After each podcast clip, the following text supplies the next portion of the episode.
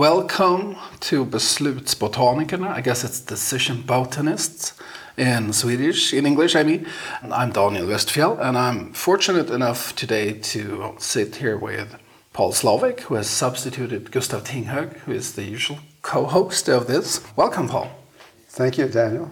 Yeah, glad, thank- glad to be here. So we're recording this at my home in, in Norrköping, and Paul is visiting for a couple of days to work with me, and also gave a very nice uh, plenary lecture at, at a conference in Linköping on Saturday. So let me say a couple of things about Paul Slovic. Um, so you're one of the very most famous people in the field of JDM, a founding father of the JDM field, president of Decision Research, a non-profit research organization based in Eugene, Oregon. Um, I'm also part of that organization. You're also An, an important part. well, thank you. You've done pretty much uh, everything in the field of judgment and decision making. So it's really hard to pick topics to discuss, I think, in, in this episode. But I do have a wish to, to focus more on.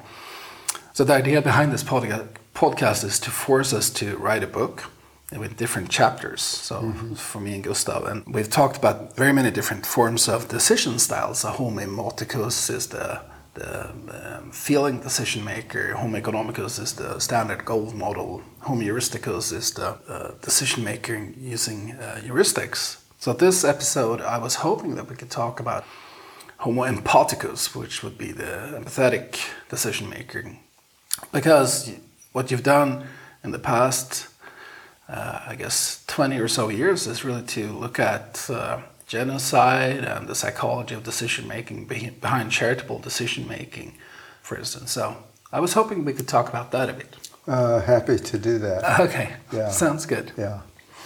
I have some thoughts about the evolution of, you know, starting to work in that area, which I could, uh, might be of interest. That would be very uh, interesting to hear. So how come you started working on genocide, for instance? Well, it it uh, it took more than thirty years before uh, I did that. So I've been fortunate to be able to work in this field since the fall of 1959, where just by accident I was uh, uh, assigned a, to have a job as a graduate student with a professor named Clyde Coombs, who was uh, one of the founders of the field of mathematical psychology and he was uh, studying choices among gambles.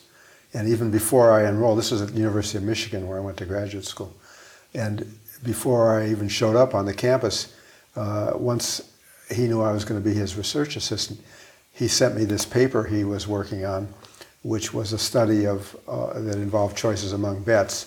He wasn't interested in gambling as a uh, um, you know, like Las Vegas gambling uh, kind of thing. He, he, he was interested in, in risk and decisions about risk, and a, gamble is, a, is sort of a, a stripped down representation of, of, uh, of risks, of the, the elements of risk that one finds in all of you know, important decisions involving risk, mainly the, uh, there's a chance of gain, gaining something, there's a chance of losing something, there's uh, the, the magnitude of the gain and the magnitude of the loss.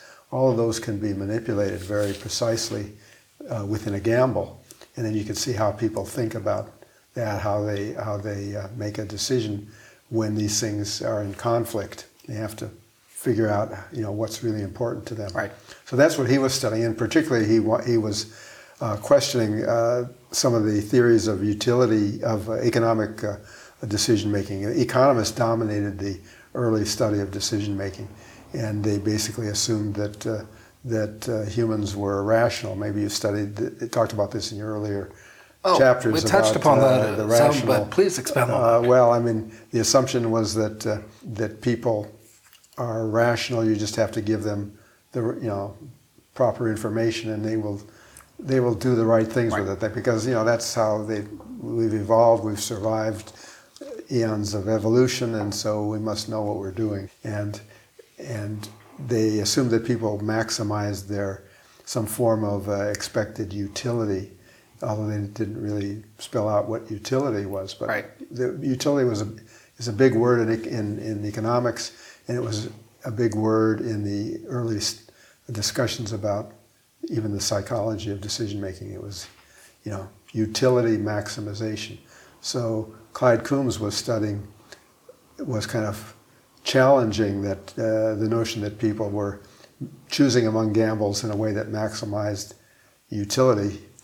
He, he thought that, that people had preferences for probabilities or for uh, uh, amount of variability in the payoffs and things like that. Things that are kind of more obvious surface characteristics of the of the gamble, mm-hmm. and that's what he was studying. And I was interested in personality assessment. That's what I was going to graduate school to study. But as soon as I saw the whole this, topic then. Yeah, yeah, As soon as I saw this this uh, paper, I was fascinated by it. You know that psychologists could actually study gambles. Right. I never, you know, even though I majored in psychology as an undergraduate, and I, you know, I read a lot of psychology. I never saw anything like this. It was, you know. Uh, and you were also very interested in statistics, right? Sports. Yeah, I was interested in numbers and this sort of thing, and, and so uh, this this really intrigued me, and, and I did a, I had to do a first year paper as a student, and so I did a study of uh, of uh, risk risk taking behavior with not only gambles but other kind of risk situations to see if people were consistent. Uh, if a person who took uh, liked liked high risk in a gamble, would they take a high risk in a decision about uh, you know healthcare decision or something else? It turned out they weren't consistent, which is another. You know, I published my first paper was on the fact that that there wasn't a, a consistent uh, risk risk taking propensity across different tasks. Right. And that's one of the key elements of rationality, right? That you're consistent, sort of uh, consistent preferences. Right. Yeah. That, uh, what's we we thought that people would be consistent, and they we found that the situation was was very uh, powerful in influencing how people responded and mm-hmm. the context, and that that's born, been borne out, you know, in many other other studies that sure context matters. Uh, and we're maybe consistent within a particular context, but not necessarily across contexts. Right. Anyway, so so I started studying gambles, and you know now, almost 60 years later, I still study study gambles. It's uh, very frightening how you know uh, some of these uh, uh experiences that you have can can then lead you down a, a path which is you know, maybe hard to get out of. But I never, never wanted, expected to. I never, yeah, I never wanted to get out of it. But it, it, uh, it, uh, in that long period of time, it changed and evolved, and it took many different uh, uh, paths off the main path of gambles into different domains. So, mm-hmm. so uh, after studying gambles for for uh, 10 years. After I got out of graduate school, I, I was fortunate to get a job in Oregon at Oregon Research Institute. And uh, they let me kind of do a lot of what I wanted to do. And so I kept pursuing studies of gambling. And my fellow graduate student uh, at Michigan, Sarah Lichtenstein, uh, by circumstance also came out to Oregon and joined our Oregon Research Institute. And we were able to continue uh, working together. We had begun working together as graduate students, and we continued at Oregon Research Institute. And of course, and she had done studies. She worked also with Clyde Coombs, and then we both later worked with Ward Edwards. Right. Uh, and I should mention that after one year of working with Coombs, he went on sabbatical. But it turned out that there was another psychologist at University of Michigan who was also studying gambles, and that was Ward Edwards. Right. You know, there were only about five people in the world studying gambles yeah. at that time uh, in, in the way, you know, empirical study of choices among gambles. And two of them were uh, Michigan. at Michigan. Wow. And so That's luck. I, yeah, it was, uh, again, circumstance. And so I started working with, with Edwards and, and uh, so did Sarah Lichtenstein. And that's where we met and started working together. And we continued that in, in Eugene. Mm-hmm. And, and then um, about 1970, uh, Professor Ken Hammond at University of Colorado, who was a pioneer in studying judgment right. uh, processes, uh, I got to know him, and he was at Colorado, and he said, "Well, there's a new person just joined the faculty at Colorado in geography named Gilbert White that he thought I might be interested in because Gilbert White was also studying risk. He was a geographer and he was studying uh, how people who live uh, in areas prone to natural disasters perceive the risk of, you know, flooding or earthquake, things that happened in their area. Really different from gambles, though. Yeah, No. but but uh, uh, these were also well. When I, I when I met him, he, he said, well, you know, uh, he actually Gilbert White was actually the first person that I know of to really study risk perception in an empirical way. You know, I think he studied that started that in the 40s, and he had some students, uh, Bob Kates and Ian Burton, uh, in particular, who then furthered you know, his work on uh, risk perception in geography, uh, in, in, you know, in places. and, and so uh, they were doing all these studies with uh, natural hazards. And, and so Gilbert White asked me, he, he was, by then he was in his 70s and he had just come from the, he had been at University of Chicago for, for many years and, and, and moved to University of Colorado.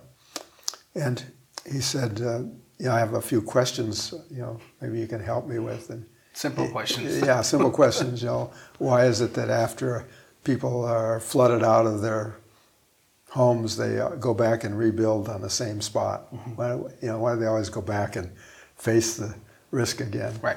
And I said, well, I don't know. We never really studied that in our gambles. And I said, well, okay. Well, I have another question for you. Well, if the if the uh, if the, if the outcome of a, taking a risk comes later in time, are people more tolerant of it? And I said, well, I don't know. We've never really studied that. Uh, and he, he, question after question that he had, and had come to him as part of his work in the natural disasters, we had not really looked at in our laboratory studies of gambles.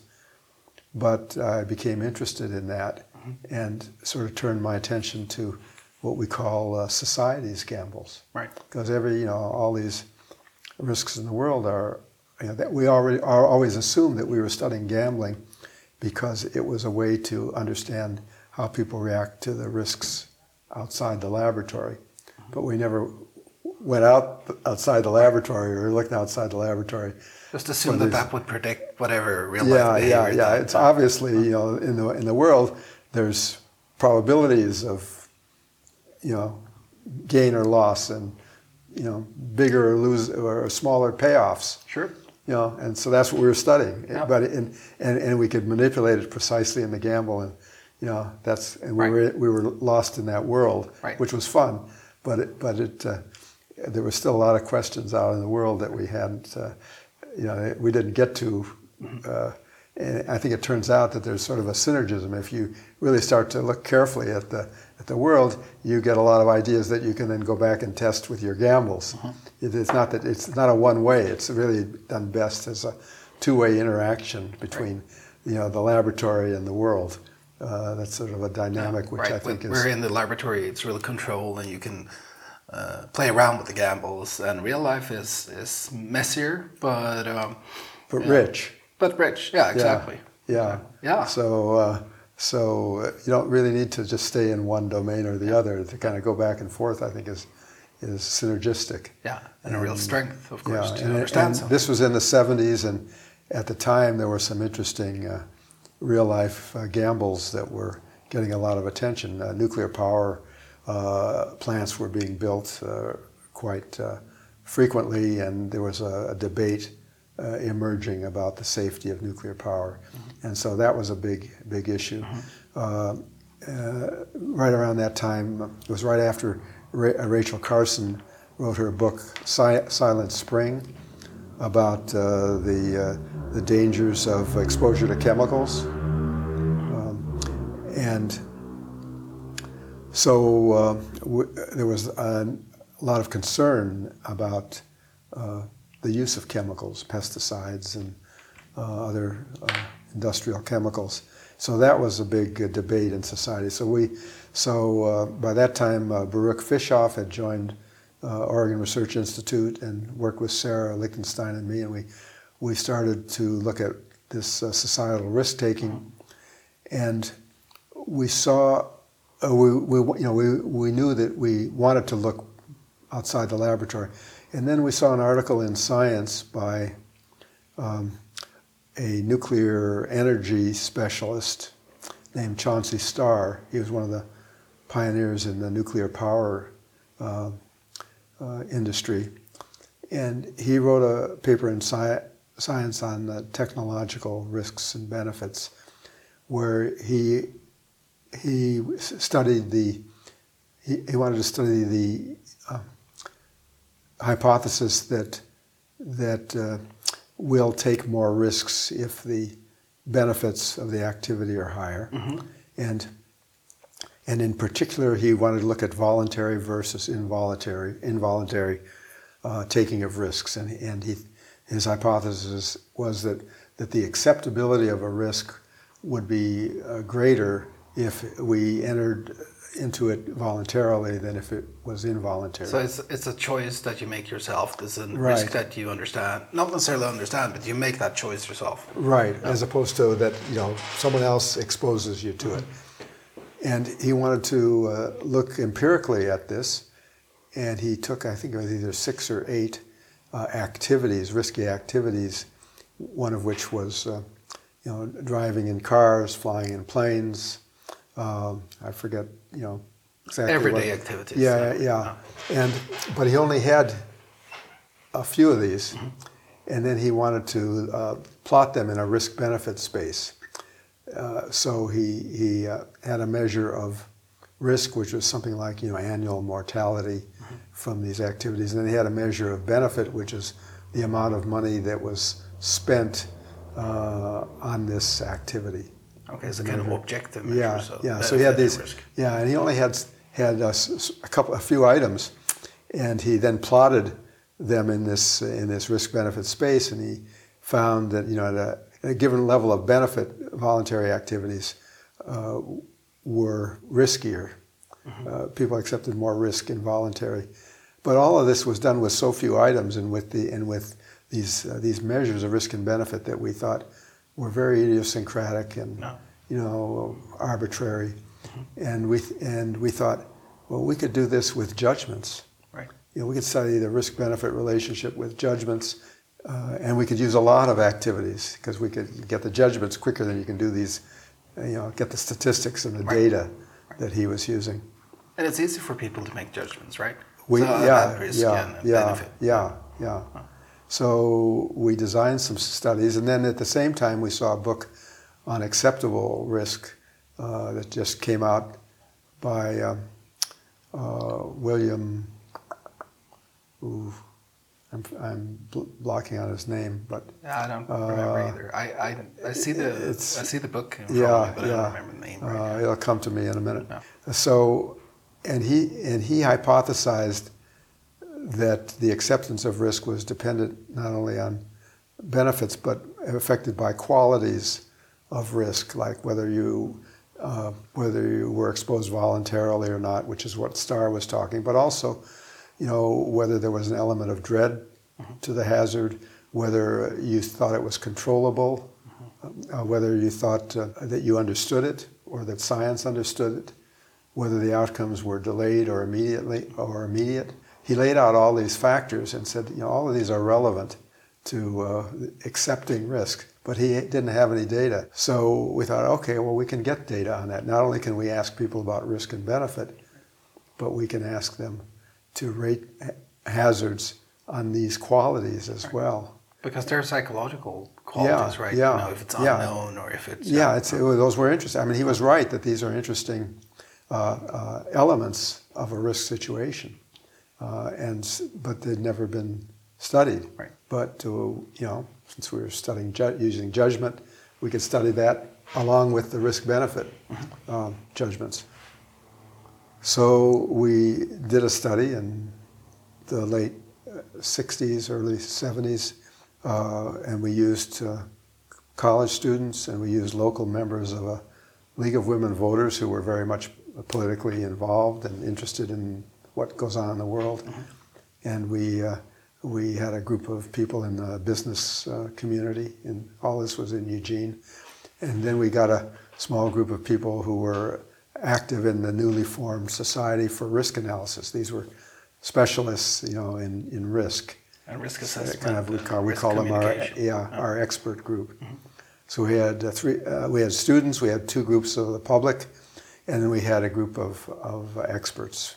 And they and we we had thirty uh, hazardous activities, you know, ranging from nuclear power to um, skiing to, you know, uh, driving, flying, you know, plane, uh, taking prescription medicines, Things so that forth. people could relate to. In a way, Yeah, so right. They yeah, do yeah, yeah. Activities that were common that uh, bore risk and had benefit, and we so we had people make the risk benefit judgments and and also judge each activity on all these qualities, and we did statistical analysis. That was our first study, and we found that the experts and the and the uh, public and students members uh, differed quite a bit in their judgments of risk.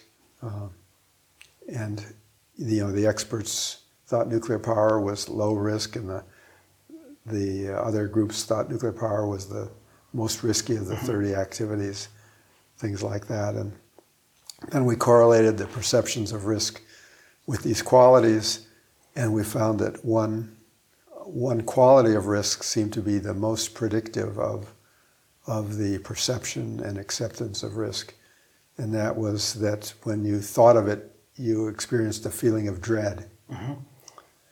And we thought, and you know, we thought, oh, that was pretty interesting. Of all these, uh, these other qualities were also important, but but dread stood out.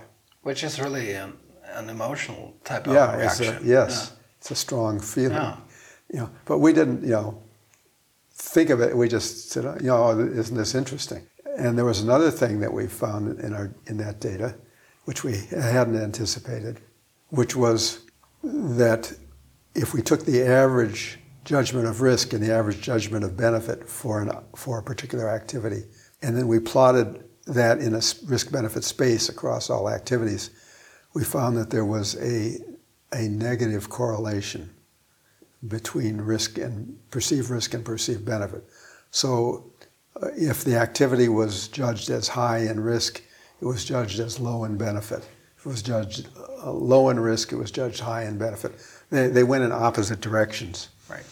And arguably, in real life, there should be a positive correlation. So if it's high Right. risk, it's high gain. Right. Yeah. Yeah, and so basically there is a positive relation because if something is um, is low benefit and high risk, we try to get rid of it. Right. There's very few activities like that. So in general, there's a moderately likely to be a moderately positive relationship between Makes sense. between uh, the degree of benefit we get from something and the amount of risk we accept. And that's also very true for investments, right? So, Yeah. so if you take high risk, there might be a high payoff, and that's why people do that, right? Right. Yeah. Right. Yeah. Right. But so in people's minds, that's not true. It's a negative correlation. when they make the judgments, they, uh, they, the judgments go in opposite direction, and and so and we so there was like what we call a negative correlation, and and we reported that just in passing as one of the many findings from the study, and we you know we said, oh, isn't it interesting that there's this negative correlation between perceived risk and perceived benefit, and and, you know, and then we went on and we did more studies. And next study we did, we instead we had either 80 or 90 hazards. I forget which one it was, because rather than 30, because you know you could just get these judgments. And we expanded the qualities from about uh, nine or 10 to uh, almost 20. Oh wow. So it was a big judgmental study um, with uh, with uh, public Right. uh, respondents or students maybe in the big study. And we did, a, we did more studies like this. But, but uh, it was always nagging at me, well, why did we get this negative relationship uh, between risk and, and benefit?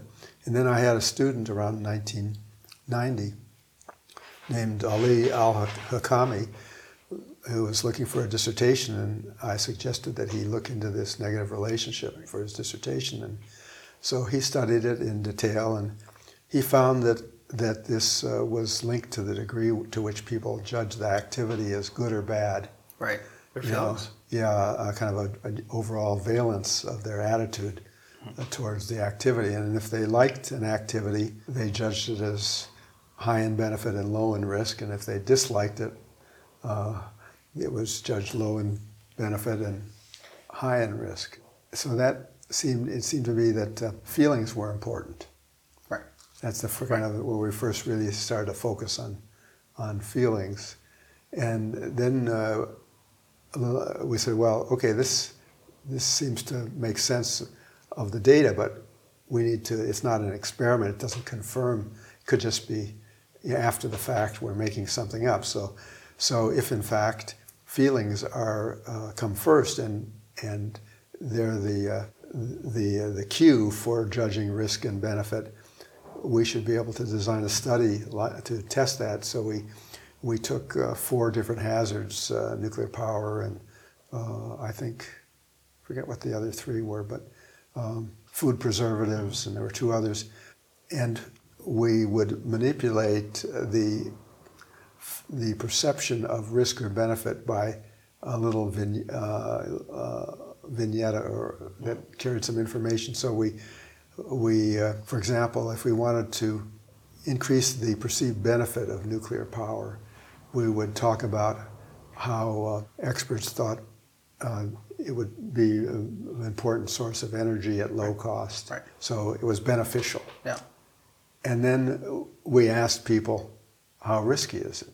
Uh, and then we had a, a low benefit condition where we'd, we say, well, nuclear power, you know, uh, is probably not going to be particularly important in, or beneficial. How risky is it? And, and or we could we could talk about its its safety. It's low risk. We'd say it has a great safety record. It's low risk. How beneficial is it? Or we would say, oh, people are worried about certain types of accidents could be serious. We sort of you know, conveyed a high risk impression.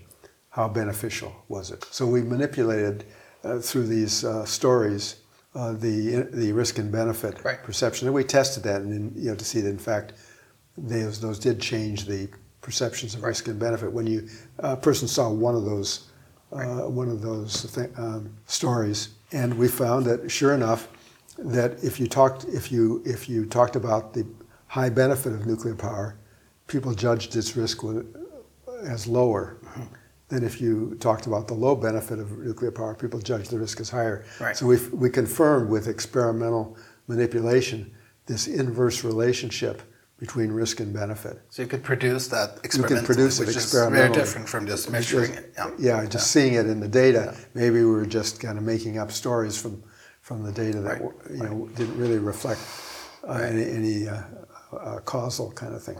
So we saw that uh, with the experiment. You, that's the benefit of an experiment is you can control the risk and benefit uh, pre- precisely in, in ways that you could uh, um, you know, judge causality. Right. But then you also did this, which I think is a wonderful follow up experiment to that with uh, Melissa Finucane, uh, where to really show that it was a feeling based judgment, you restricted people's access to system two kind of analysis through time pressure. Right. So people had to make those risk benefit judgments of activities either during time pressure or under time pressure or not under time pressure. So the idea is that when you're under time pressure, you don't really have time to think carefully, and therefore the correlation, negative correlation between risk and benefit should increase, and that's exactly what you found as well. Yes. Which, which is amazing, and another experimental way of showing the sort of mechanism here that it's really affect, you know. Right. Yeah. Uh, as opposed to careful, uh, uh, more deliberation Yeah. about what the risks and benefits really were. So that was a second uh, experimental uh, test of this, uh, what we came to call the, uh, the process, the affect heuristic, Right. that uh, our feelings uh, influence our judgment, or we derive our judgments from how we feel about things. So this was a, a, a new uh, perspective on, on risk that hadn't, hadn't really emerged from the study of gambles. See, all- the interesting thing about the early work on gambles, and there were a lot of studies of gambles. You know, Amos Tversky were, and, and Dan Kahneman were studying gambles, and many other people. Uh, uh, John Payne uh, was doing it. Uh, it was uh, after Coombs and Edwards started doing these studies. Not only Sarah Lichtenstein and Baruch Fischhoff and me were doing it, but many other people were studying gambles. Right. But uh, the frame that of you know a psychological uh, direction that we were looking at uh, these gambles uh, to understand had to do with more uh, deliberative, analytic thinking. You know, how do we uh, how do we weight the uh, payoffs and probabilities, and how do we combine these kind of mechanistically? Right. It was what uh, later came to be known as as uh, System Two. You know, deliberate, analytic, slow thinking. Yeah. But um, System One and System Two hadn't been talked about Right. at that time.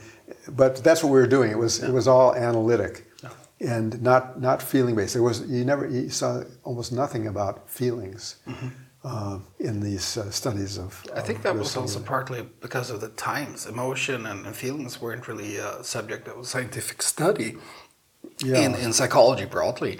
I mean, especially in judgment and decision making, Right, which has yeah. this sort of starting point from deliberative analysis, I would say. Yeah, from the, from from, uh, from what e- economists were doing. Although in the earliest uh, uh, economic uh, economists uh, uh, discussions of utility, Yeah. uh, Bentham and others, it was a feeling. It was pleasure and pain and Yes. feelings.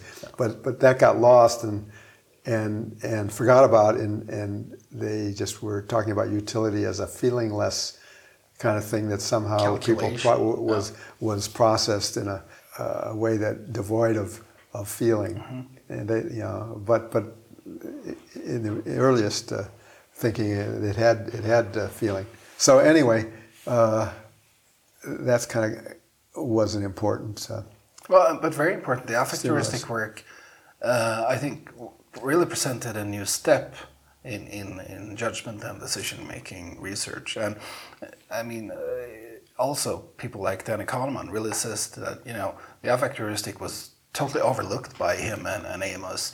And, and uh, something that's, you know, almost like a master heuristic. That's the easy, you know, most important maybe heuristic because it's so easy to go to your feelings, to Mm-hmm. Yeah. consult your feelings uh, when you make decisions. So, so to forget about that or to not include that in your model of decision making is a big mistake. yeah, no one was just thinking about affect or No. emotion, but but and then but going back, I mean, the really you know important work uh, that Kahneman Tversky did on prospect theory was centered around what they called the value function. So Kahneman said that you know if prospect theory had a flag, the value function would be on this this flag, and this value function is a, how do we value uh, quantities of things in the world, and what uh, what prospect theory hypothesized and found evidence for was that we make these values not less on uh, on the absolute amount of something that we're valuing, but more the value in reference uh, with regard to a reference point, Right. which uh, might be a zero point or, or status quo, but ba- basically gains and losses. The value function is predicated on gains and losses around a reference point. And then when they, they, they put forth functions that they had derived from some of their studies, showing how as the, uh, the gain increases, value increases, and how the loss increases, the, the, the uh, perceived value of the loss in, increases. And these were nonlinear functions. Yeah. You know, they were what we call psychophysical functions. They're very steep around the reference point, and then uh, they flatten out. Right. Uh, and that was put forth, but there was no sense of, of uh, you know, why this might be. And you can see this for, for money too. That is, uh, the, the perceived value of $200 is not twice that of $100. Right. It's something less than 100 you know, and, and that $100, which is so important, if it's the first $100, if uh, you were uh, getting paid for something you're selling and you got paid 2000 but uh, someone said, look, I'll give you 20, actually another $100, $2,100, you wouldn't see that as much of a, Right. a much of a change. You say, oh, that's fine, but that hundred dollars wouldn't look as big, you know, if it's if, if it takes you from two thousand to twenty one hundred than if it takes you from zero to one hundred. Now that was built in, but there was no sense of why. Yeah. You know, I mean, hundred dollars is hundred dollars in terms of what it can buy. Right. You know, uh, that it shouldn't lo- that hundred dollars shouldn't lose its value when the amounts are increasing. Right, and, and that's the assumption in normative theories, right? That it's a linear function. So hundred dollars is hundred dollars, Right. no matter where it's you know where it's placed in the in the value in the magnitude um, scale, right? Right. But but what what uh, Amos and Danny did was it's a descriptive theory. They describe Yes. how people actually value Yeah. money, Yeah. right? And then they found this kind of Yeah. uh, decreased sensitivity, you could say, Yeah. right? And and so th- there's no logic behind uh, uh, that. As you say, the logic would be uh, in, with with money would be linear. Yeah. But basically, this is this is a feel, this is a, uh, driven by feelings. This is the way our feelings react. And, Right. know, and subsequent wor- work has, I think, confirmed that uh, that uh, you know uh, zero to hundred feels uh, bigger than two thousand to twenty one hundred. Um, And it makes sense, uh, again, from more of an evolutionary perspective, right? To, to, to the change is really big, and you should really look Right, at that. right. So going from nothing to something is something that that should uh, be uh, salient to you, and something that you should try to notice. Yeah. Whereas if you have something, you get a bit more of that. You know, i- it's not much of an importance for your survival, in a sense, right? yeah. So, so I think that uh, it's really a feeling based, Right. and, and our feeling based system is is focused on monitoring things that are good and bad for us in the environment. yeah, yeah, um, i exactly. And and interestingly, I mean, this is this value function is very close to what the, you know, what psychophysicists found, you know, in the late 1800s when they were studying the perception of of uh, loudness of sounds or the brightness of lights as a function of the the physical uh, magnitude of the light energy or sound energy. And so, you know, in a in a in a quiet room, you can hear a whisper. In a loud room, that you won't hear that whisper. It takes a lot more uh, change in volume for you to hear it. Yep. And that's the, that's characteristic of these functions. And and the same thing with uh, with uh, with lights in a dim room, a tiny light source you can see, but in a bright room you won't you won't see that. Right. And again, you can see the uh, the evolutionary the adaptivity for survival of of being sensitive to small changes. It helps you uh, react uh, uh, quickly uh, to things that you need to be alert to. And it turns out that that's we also react the same way to money. And more interestingly, to me, uh, I turned my attention to seeing how that worked, uh, if it also held for uh, human life.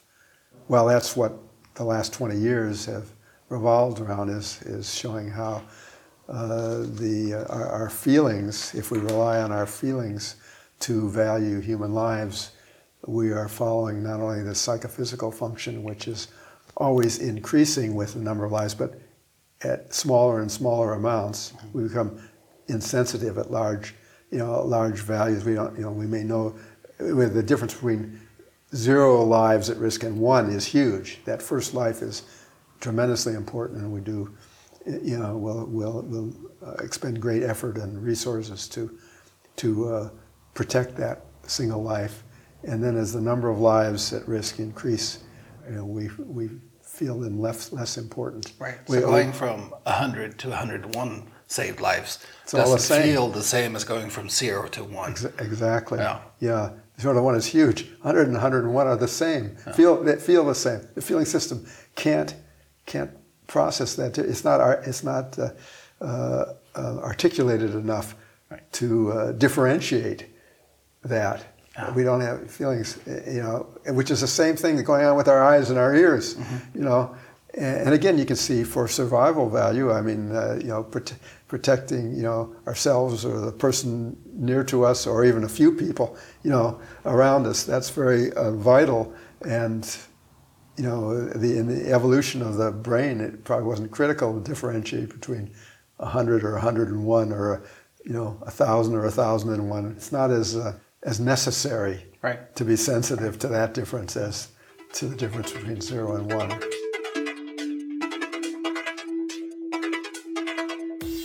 Now it's interesting because the original uh, prospect theory work didn't really focus on saving life or life saving. But once you take that into life saving domain, you can apply the same kind of logic, right? That that there should be a linear function. We should value lives equally, no matter where you know that life is placed in the context of you know going from zero to one or hundred to hundred and one. That life should be equally valued as a moral principle. You could argue. Yes. But then the natural way that people, unfortunately, interact or, or think about lives is, is in relation to a reference point. So going from 100 to 101 is just psychologically less meaningful, and you, your empathy response might sort of flatten out as the number of people increase. Yes. Uh, increase. Yes, exactly. Although a couple of the early uh, critical experiments by Kahneman and Tversky did involve uh, lives saved and lives lost, were in simple choices, and they did, you know, they did see this nonlinearity. Uh, uh, they, they, some of their experiments involved uh, money and, and, a- and some uh, involved lives, but they didn't. Uh, so that they, it was there. Yeah. You know, they saw that this function is a function that describes how we react to varying uh, changes in, in num- numbers of lives at risk. But they didn't take it then to say, well, why why is it? Why don't we value them linearly? Right, right. You know, they didn't go into the into the feeling uh, aspect of it. Yeah. Now another thing that that um, was going on in parallel to all this in terms of things that influenced me was that uh, uh, in the 1980s I was asked to be part of a of a group of social scientists uh, who were um, consulting with the state of Nevada, trying advising the state of Nevada on the potential uh, adverse economic impacts on the economy of the state of Nevada if uh, a, a, a high-level nuclear waste repository was sited 90 miles from Las Vegas in Yucca Mountain. That was a proposed site for the uh, a place to store the the waste from uh, about 100 uh, operating reactors in the United States, the uh, the spent fuel. They, they needed a place to put it, you know, where it could, you know, be not contaminate the environment as it radiation decayed over thousands of years. Uh, at the at the moment, and and so it turns out even today it's still stored on the at the site of the reactors Yeah. uh, because they were never able to successfully Hard to get public cite support for Yeah, but but that was part of what we were doing is is well, you know, uh, because the, the the technologists were the nuclear scientists, radiation scientists, and engineers were studying, uh, you know, uh, whether the radiation could be contained in the geological geologic structures of this mountain. And after uh, uh, quite a few billions of dollars of studies of geology and, and radiation, they concluded it could, that y- you could safely store. Acceptable risk. uh, to, it was, a, it was an acceptable risk from a technical standpoint. Uh-huh. It was not acceptable from a public standpoint. Right. And so, 30 some years after it was proposed as a site, it's still not. There, we, we have no site for the commercial reactors as of this time until 2018. The, uh, the, the search began in uh, 1982. Wow. So that's the 36 years because of public opposition. Well, we were interested in public opposition, but also uh, uh, in advising the public and the you know governing bodies of the state whether there could be an economic risk instead of not only a, whether uh, they were studying the physical risk from radiation leakage that could contaminate the environment and harm both nature and people, and we were studying uh, you know the potential for economic risk. So we say, well, we don't exactly know how to how to do this. We could ask people you know, if uh, this repository was built uh, 90 miles from Las Vegas, would you stop going to Las Vegas to gamble or Right. to retire? It's a big retirement place, or to, you know, or, or to f- take a job. And our guess is that many people would say yes. But we don't know that we could trust that because the same question was asked around a proposal to build a nuclear power plant uh, near a popular uh, swimming beach in the East Coast. Okay. And they did survey people. You know, if we if they build a nuclear power plant offshore, would you stop going to the beach? And everyone said yes. Okay. And they built the plant, but people kept going to the beach. Yeah. So we said, we're, you know, we're not going to, people don't know how they're going to behave. We're not, uh, we, uh, we can't ask them this. So one thing is what they say, and, and another I thing is what, what, they they're do. doing. Yeah. So we have to have another way to to uh, to learn about this. And it turns out that I happened to see a book by uh, uh, two social scientists, uh, James Deese and Lorand Szalay, uh, and it was on the cross-cultural studies of war. Uh, and what they used as a technique to understand how different societies thought about war was the word association technique. So they, they looked at, uh, at association data from many different countries. It's like, well, when you hear the word war, what's the first thing that comes to your mind? And people would say, whatever. And then they say, okay, uh, now uh, give me another thought. What's the second thing that comes to your mind? And they did, I think, up to six Okay. associations. And then they then they then they looked at the nature of these associations in different cultures and saw very clearly that for some cultures, war had a more uh, positive, co- you know, set of associates than in other cultures. Oh, so they looked at the book. valence of those associations. Well, they they didn't do it directly. Okay. They didn't they didn't scale the value, they- but they but they looked they looked at it qualitatively. Okay. You know, the kind of the meaning. The words were different. Yeah. You know, and they did that kind of analysis, and and so so I thought, well, uh, we could do this with uh, nuclear waste.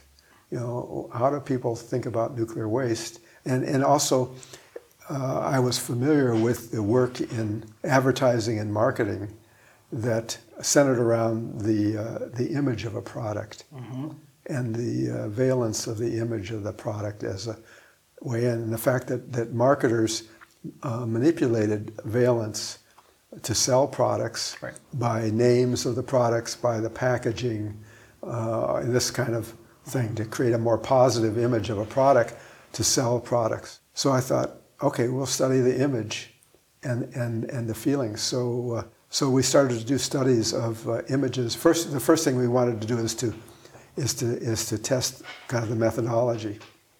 So we did a study of I forget, maybe six different places, cities, six cities, and then six states. And we did a large scale survey. And, and f- so, for example, for the cities uh, study, we say, you know, when, uh, when you hear the word Denver, what's the first thought of or image that comes to mind? Uh, people would say, you know, snow. And okay, now, you know, what's the second thought? Skiing. And they, people would elicit up to six thoughts. Then we would go back to them and say, okay, now, uh, when you said skiing, how positive or negative is that image in your mind? And they So rated got them it- rate you got to rate the feelings. valence on a, from a minus three to a plus three scale of positive and negative. And then we had that for their, their six uh, images or associations. And then we just added up those valences and got a score. So we could say, well, uh, this score is kind of the positive or negative quality of the associations this person had to, to Denver. Right. And then we and, and then we also had them do the same thing, and they didn't know they were going to rate these until after they'd given all six. Then we had we rated uh, we rated, but actually we had them give the, the images first for for uh, for several cities. Uh, like and then we could say, okay, now now San Diego, do this for San Diego, and they did that, and then we could do the score. Then we went back and had the uh, valences uh, judged, and then we, we added those up. And we say, oh, you know, this guy uh, has a much uh, more positive uh, image of San Diego than of Denver. Uh, and then we and then we uh, we related those image scores to their judgments of different cities and, and later states. We did it with states as a place to uh, vacation or retire or, live you know, to go there. And we found a, a strong correlation between the valence of the set of images and the, the uh, stated behaviors that they would do. We also later had the opportunity, one of the questions was, would you go to this place to vacation? And we f- saw this correlation. And we then actually we were able to follow up like a year and a half later with the, s- the same people. Say, well, where had they gone to vacation? Yeah. And we found that uh, that uh, they were more likely to have gone to a place to vacation if they had a more positive image Yeah. for it. So we actually had a behavioral Yeah. be- uh, measure as opposed to a stated behavior.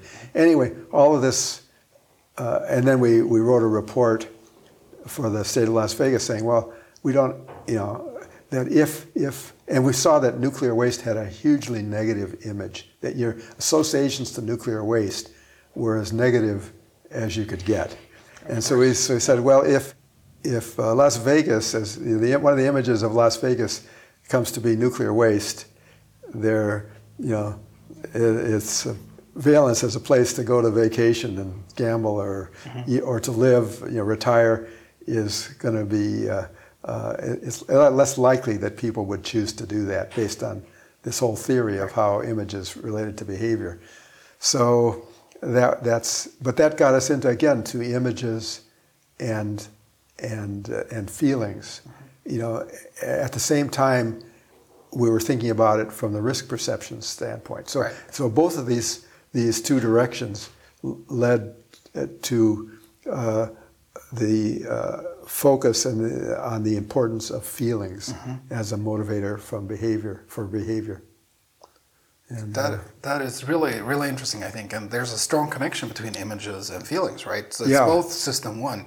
So you, the images that easy come to mind, they also have this association. It wasn't a problem for your subjects, right, to, to make those judgments. No. it was easy. No. right? They knew if it That's was good right. or bad. That's right. Yeah. That's right. But at the, then again, and in parallel, we were doing this, but in parallel, uh, you know, Stanovich and West and others were talking about system one and system two. But even before that, social psychologists and cognitive psychologists had had been uh, begun to do work on what they call dual process systems of thinking, which is basically uh, you know uh, a- analysis versus you know emotion or feeling, and so there was a there was a whole field of empirical research in social cognition that was distinguishing between you know feelings or emotions and and uh, analytic uh, processing as dual processes. Then Stanovich and West characterize this as system one, system two.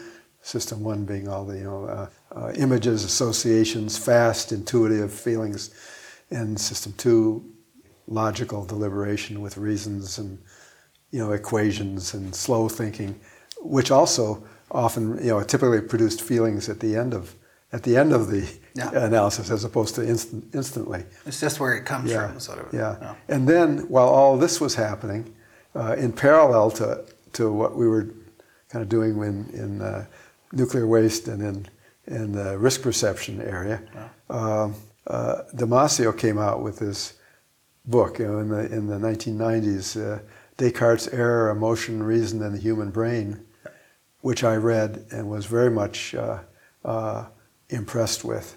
You know, the fact that uh, he was reporting stories of, of clinical patients who had damaged brain damage that that uh, inhibited their ability to attach feelings to the consequences of their actions. They're uh, logically uh, uh, able to understand the consequences of an action. They just didn't know whether it was good or bad. Right. And that that led to terrible decisions, and they had very miserable, unsatisfactory, unsuccessful lives. And he argued that you needed both feeling and and reason to be rational. Right. Uh, and that all of this was all in, in the mix. Right. So from from there, yeah, it was very much all the milieu of of uh, what kind of turned me towards focusing on feelings. Oh, and then there was one other thing that was going on at that time in 1994, which was the genocide in Rwanda, Yes. where 800,000 people died in 100 days, and the world watched and did nothing, and and uh, you know, and that was shocking.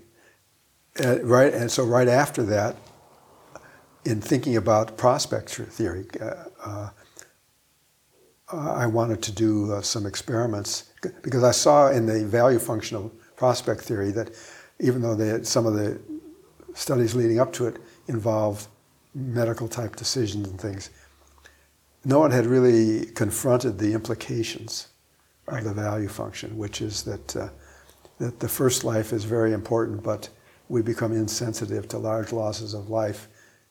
So I was looking for a way to study that, and I went to Amos Tversky and you know showed him the picture of his value function, you know, Kahneman, and I said, you know, this is this is terrible. Mm-hmm. You know, this this is a, this is horrible because it implies that uh, you know we lose sensitivity to life as the number of lives increase. And you know, uh, Amos agreed. I said we should do more studies of this, but uh, he was busy with other things. You know, a lot of stuff uh, he was doing. he always did.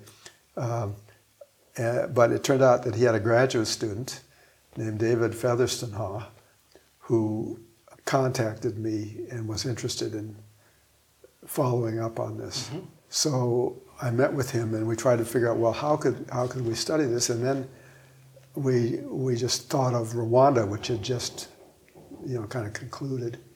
And, and I, I saw an article in the local uh, paper that, about the fact that the, those who survived the genocide in Rwanda, they survived, they, they fled and ended up in refugee camps on the border of Rwanda and what was then Chad. It's now part of Congo, mm-hmm. and uh, large camps. And they didn't. They lacked access to clean water, and they began to die from, uh, or get sick, and often die from cholera. From yeah. cholera, and they needed clean water. And the article on the front page of our paper said, uh, pumping equipment is needed to provide clean water. Well, new wells are needed, something like that.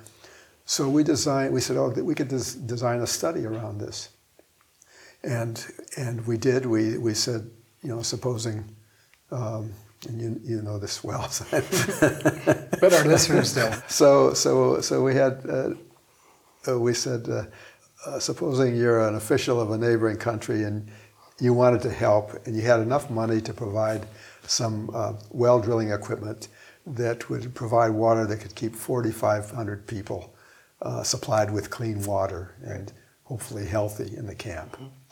Uh, but you've got other uh, other ways to use your money. You could spend your money domestically on improving your hospitals or your schools or your roads. Would you instead choose to send the money to uh, provide drink, clean uh, clean water in a refugee camp? And then we split the our, our participants into two groups. One group we, we said you can keep 4,500 people healthy and alive in the camp the camp has 250,000 people. Uh-huh. Would you do it?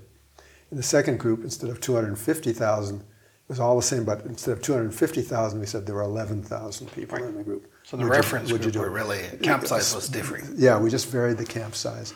And we found that uh, people were much, uh, and, and the alternative, they, it was, a, it was a, a binary choice between sending the money, providing uh, uh, equipment to drill wells to provide clean water versus spending the money in your own country mm-hmm. domestically.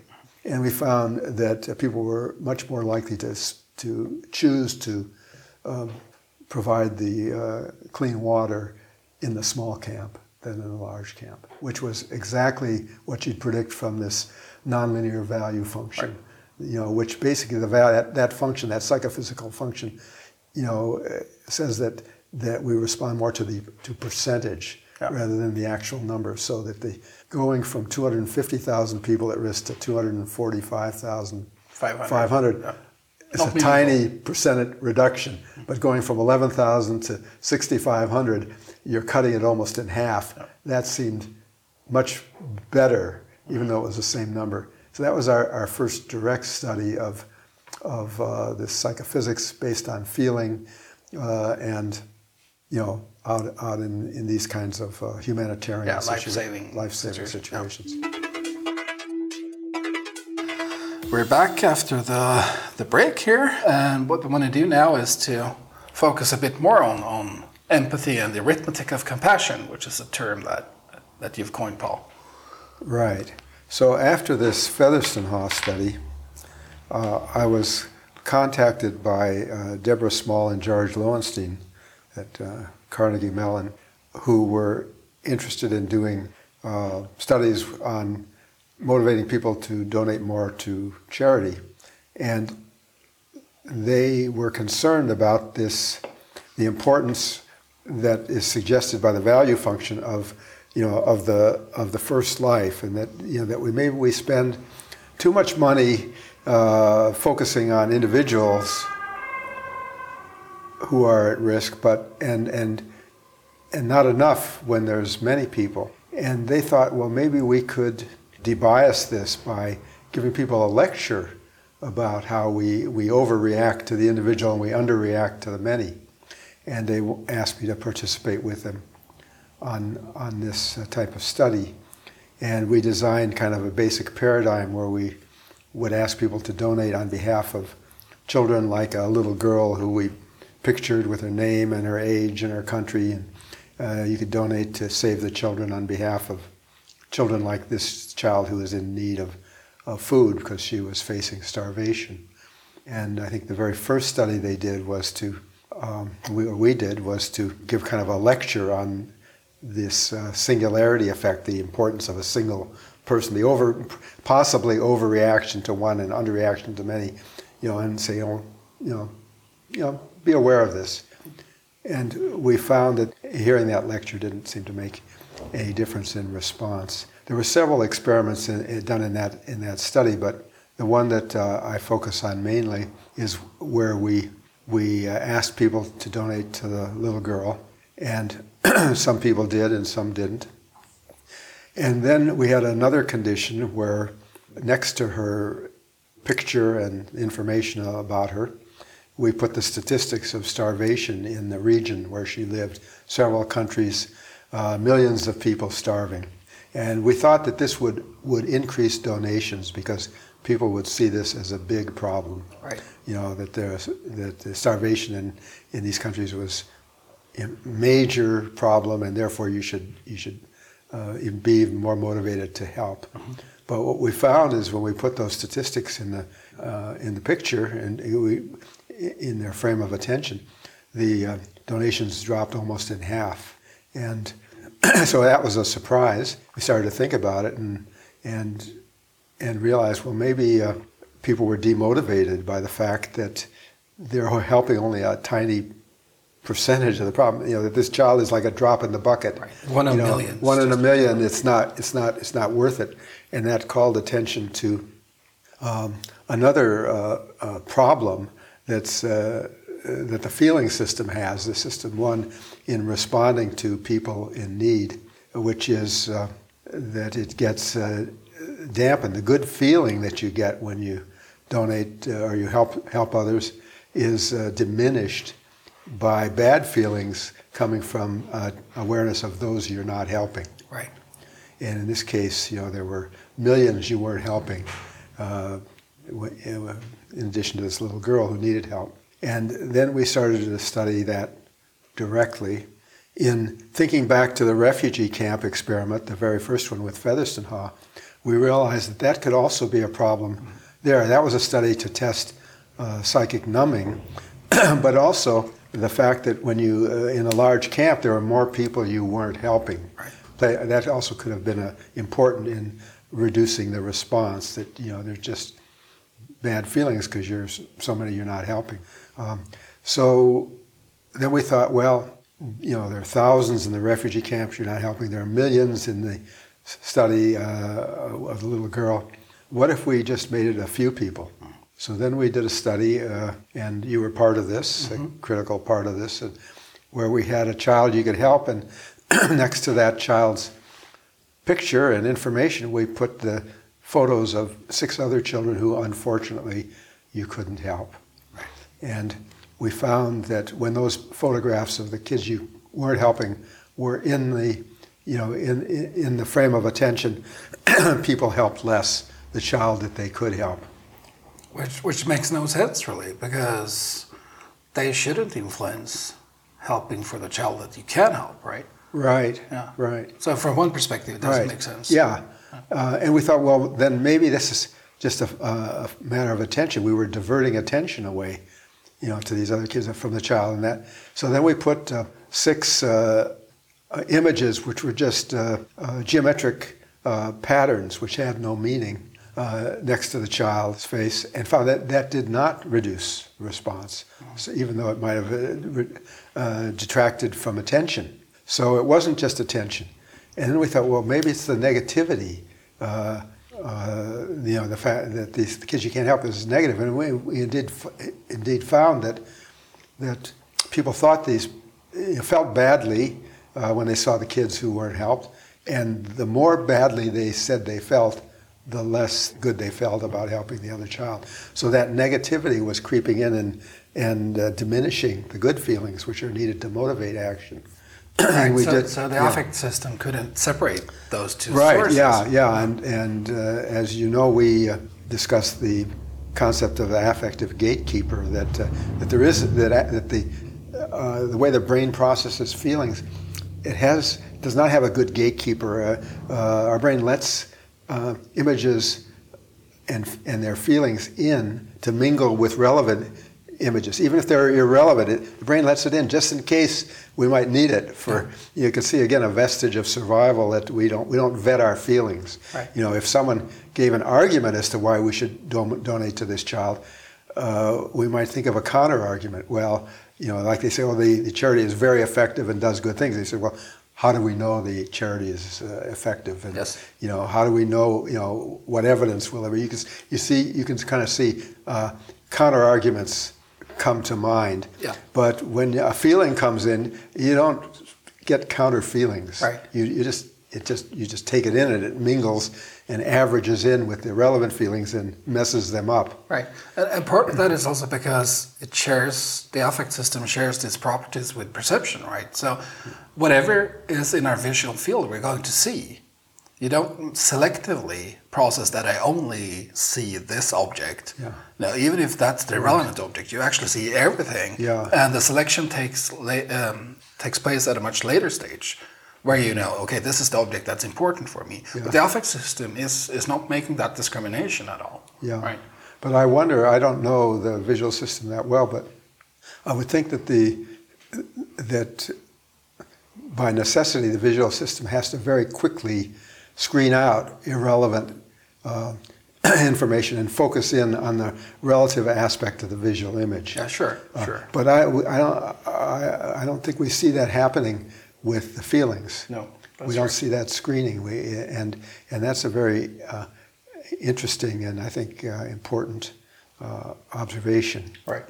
So that's the second factor, in addition to psychic numbing, that inhibits our actions uh, to help others uh, sometimes we, uh, our feelings are deceived, are deceived to lead us to uh, feel less effective than we actually are, mm-hmm. and so we don't do what we can do. Yeah. You know, and I, I view this as as wrong. Uh, I think uh, you know if you can help someone, the fact that you can't help other people or everyone shouldn't stop you from doing what you can do. Yeah. So we I need agree. to make people aware of that. Mm-hmm. Um, so this false sense of ineffectiveness, which we, we gave a strange name to, pseudo inefficacy. Yeah. Pseudo because it's false sense of inefficacy uh, is one, and then the, the uh, insensitivity that comes from psychic numbing uh, is another. And by the way, we also found, with you know your help and your colleagues' help, that the psychic numbing, the, uh, the value function from prospect theory, actually that wasn't the full story. In some cases, instead of just kind of flattening out as the as the uh, numbers of people at risk increased uh, and becoming insensitive, it actually uh, started to fade or even collapse as the numbers uh, grow grow larger. So that at some point you you care even less when the numbers are, are bigger. It's not that you, you, you, you don't care any more any more greatly when numbers increase. You actually care less. Yeah, you sometimes say that the more who die, the less you care. Right, and representing a, a fading or even a collapse of compassion, which is a horrible uh, way to be. That's a real limitation of, of compassion and empathy. Then that that you know we're tailored to interact and think about a single person and we can't really take we can't put ourselves in the shoes of many people Right. and feel empathy with the masses.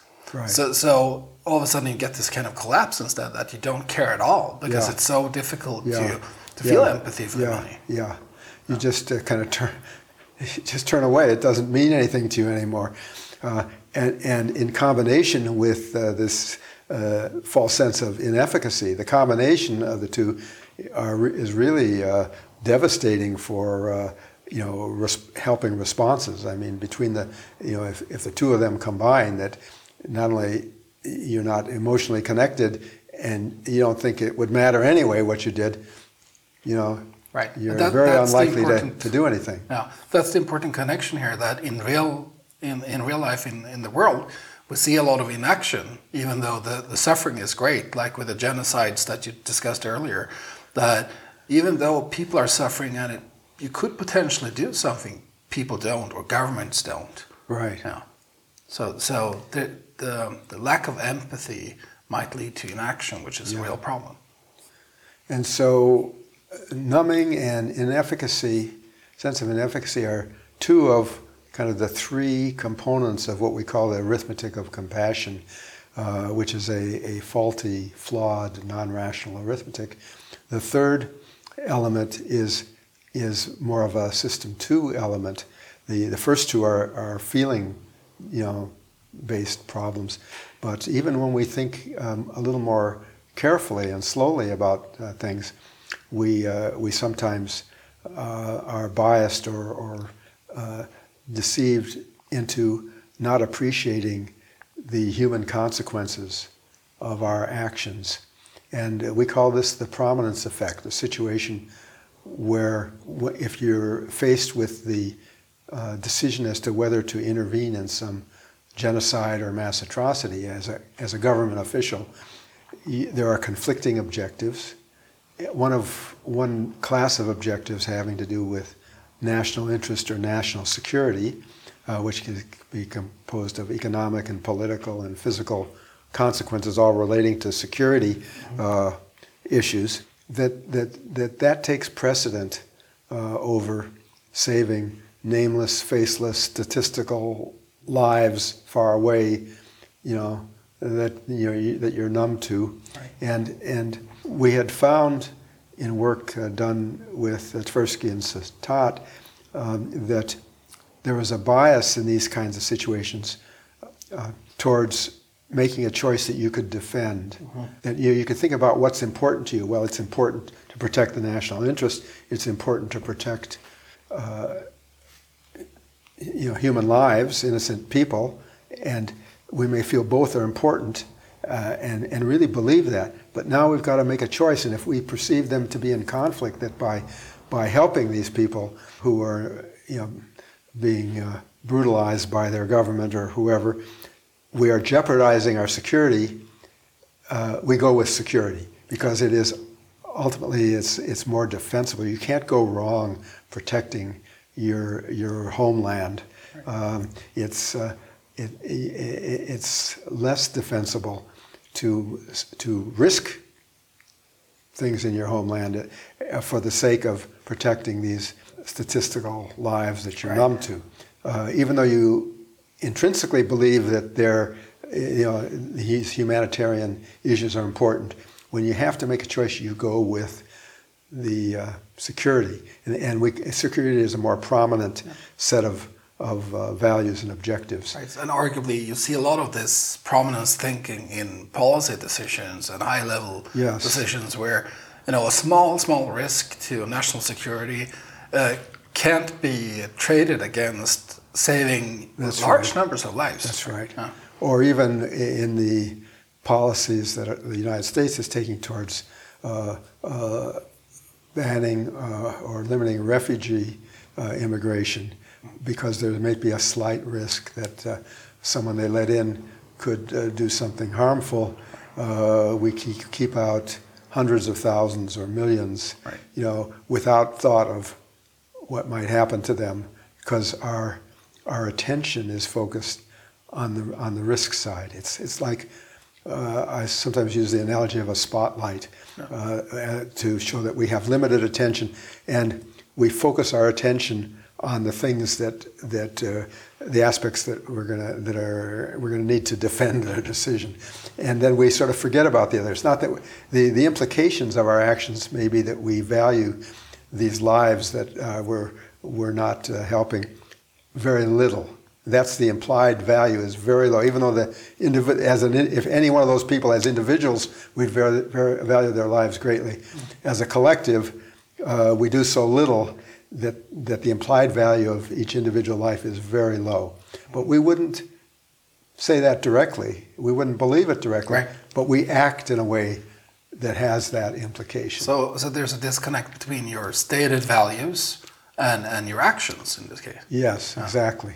And and so these three things: prominence and, and efficacy and numbing. Uh, you know, as we as I said, we call this part of the uh, the arithmetic of compassion, and we say that you know when it involves feelings, that the feeling system can't do arithmetic, it can't count, it can't multiply, it uh, sometimes goes, you know, as we say, the more who die, the less we care. That's a strange arithmetic. Yeah. Uh, and we need to be aware of it and of all of these factors. We need to, to know ourselves in this regard in order to, uh, to think more carefully about who we are, who we want to be, how we should behave in the world, um, in a world where many uh, are uh, in need of our help. And uh, we've created this website, thearithmeticofcompassion.org, uh, that I hope people will, uh, uh, will visit. I have a link to that as well. Yeah, so. right. And to uh, describe some of these strange ways that our that our minds uh, uh, misperform the arithmetic of compassion, or n- large numbers of people are are in need of help. In order to uh, to try to, uh, we hope that the awareness will uh, be the first step in combating this and reducing these tendencies. Not that it's necessarily easily. And one part of the website is a site called uh, Take Action, which lists uh, some of the things that you know if you if you're uh, find the site compelling as you know that these are ways that we don't you know you don't want to behave this way. Well, here's what you can do, and and I think one of the uh, the central aspects of it is not only become aware yourself or make others aware of this, but but to uh, to join forces with with organizations. There are many good organizations that are dedicated to uh, hu- you know humanitarian causes and are doing heroic efforts to aid people and protect human lives in dangerous situations and and uh, you know you can you can join these forces these these organizations you can uh, you can work with them. You can uh, you know donate to them. And that's a good way of, of amplifying your own individual uh, effectiveness uh, by working with effective organizations. So this is, you know, we hope a beginning into creating an awareness that will lead to more uh, activism in helping not only individuals but uh, large numbers of individuals who in today's world need our help. Yeah, there's a lot of need out there. Thank you, Paul. This this was really great, and of course, I'm very biased, but I agree with all of what you said, and and I, I encourage everyone to visit the, the Arithmetic of Compassion.org um, website to learn more about this research, but also to learn how you could help in, in different ways. So, uh, well, again, thanks, Paul. Such a great pleasure to have you here. Thank My you, great Daniel. friend Thanks. and academic hero. Well, th- thank you for being an important part of this story. Yeah, thanks.